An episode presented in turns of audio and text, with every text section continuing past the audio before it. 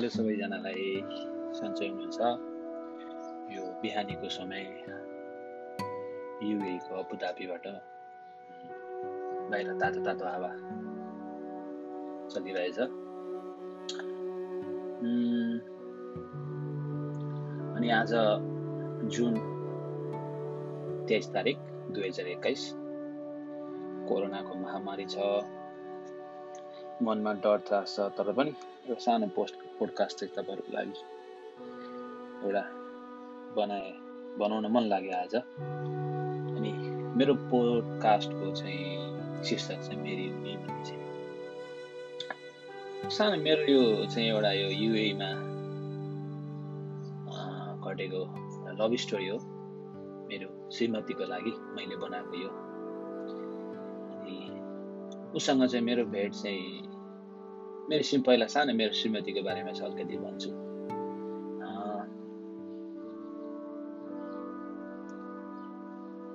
उसँग चाहिँ मेरो भेट चाहिँ फेसबुकमा भएको थियो। फेसबुकमा मैले हेरेँ त्यसपछि मेसेज पठाएँ उसले रिप्लाई गर्यो त्यसपछि बिस्तारै कुरा गर्दै गयो। त्यसपछि मन मिल्यो भेट्यौँ। दुबईमा बस्थ्यो ऊ अजमानमा बस्थ्यो। दुबई आयो भेट्न म पनि गएँ अबुधाबीबाट भेट्यौँ। राम्रो लाग्यो बानी व्यवहार राम्रो राम्रो छे। सबै कुरो राम्रो लाग्यो त्यसपछि। आज उनी मेरी श्रीमती भएको छिन् र म एकदम खुसी छु उनी प्रति एकदम गर्वान्वित छु। र मेरो हरेक दुःख सुखमा उसले मलाई साथ दिन्छे। मलाई हरेक अवस्थामा मोटिभेसन गर्छ बाइबलबाट जीवनको भोगाइबाट हरेक कुराबाट।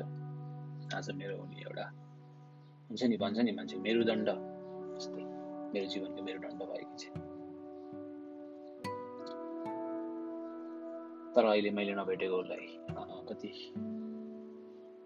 डेढ दुई वर्ष हुन आँट्यो होला डेढ वर्ष दुई डेढ वर्ष हुन आँट्यो होला कोरोनाले गरेर भेट्न पाएको छैन यो अबुधाबी पुरै बोर्डरहरू बन्द छ जाने आउनलाई गाडीहरू बन्द गरेको छ त्यही कारणले भेट्न पाएको छैन एकदम भेट्न मन छ मेरो ए मैले तपाईँलाई भन्ने बेला उसको नाम चाहिँ फेरि सुषमा हो।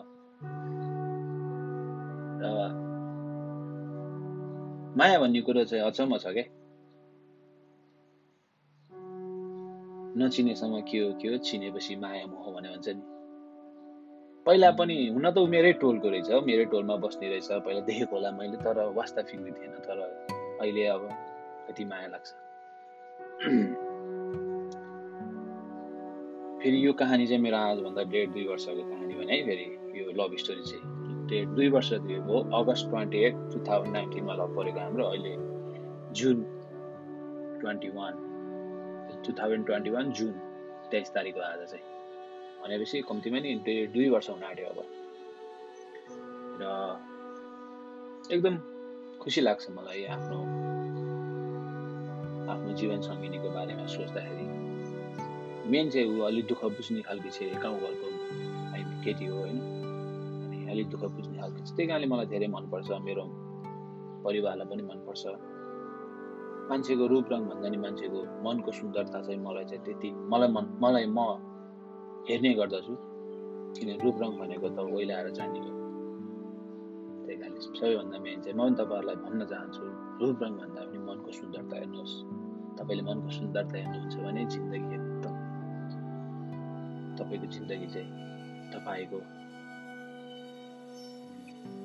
तपाईँको जीवन साथीले गर्दा धेरै राम्रो हुँदछ। जीवन काट्न सजिलो हुँदछ किनभने जीवन काट्न त धेरै गाह्रो छ त एक्लै जीवन काट्न त होइन? अनि अब राम्रो साथी मिलेन भने पनि गाह्रो हुन्छ जस्तै एउटा रथको एउटा पाङ्ला चाहिँ अलिकति सानो एउटा पाङ्ला ठुलो भयो भने त्यो रथ कुद्दाखेरि दौडिँदाखेरि धेरै गाह्रो पायो दौडिन्छ। धेरै गाह्रो हुन्छ। कोल्टे पर्छ लड्न सक्छ।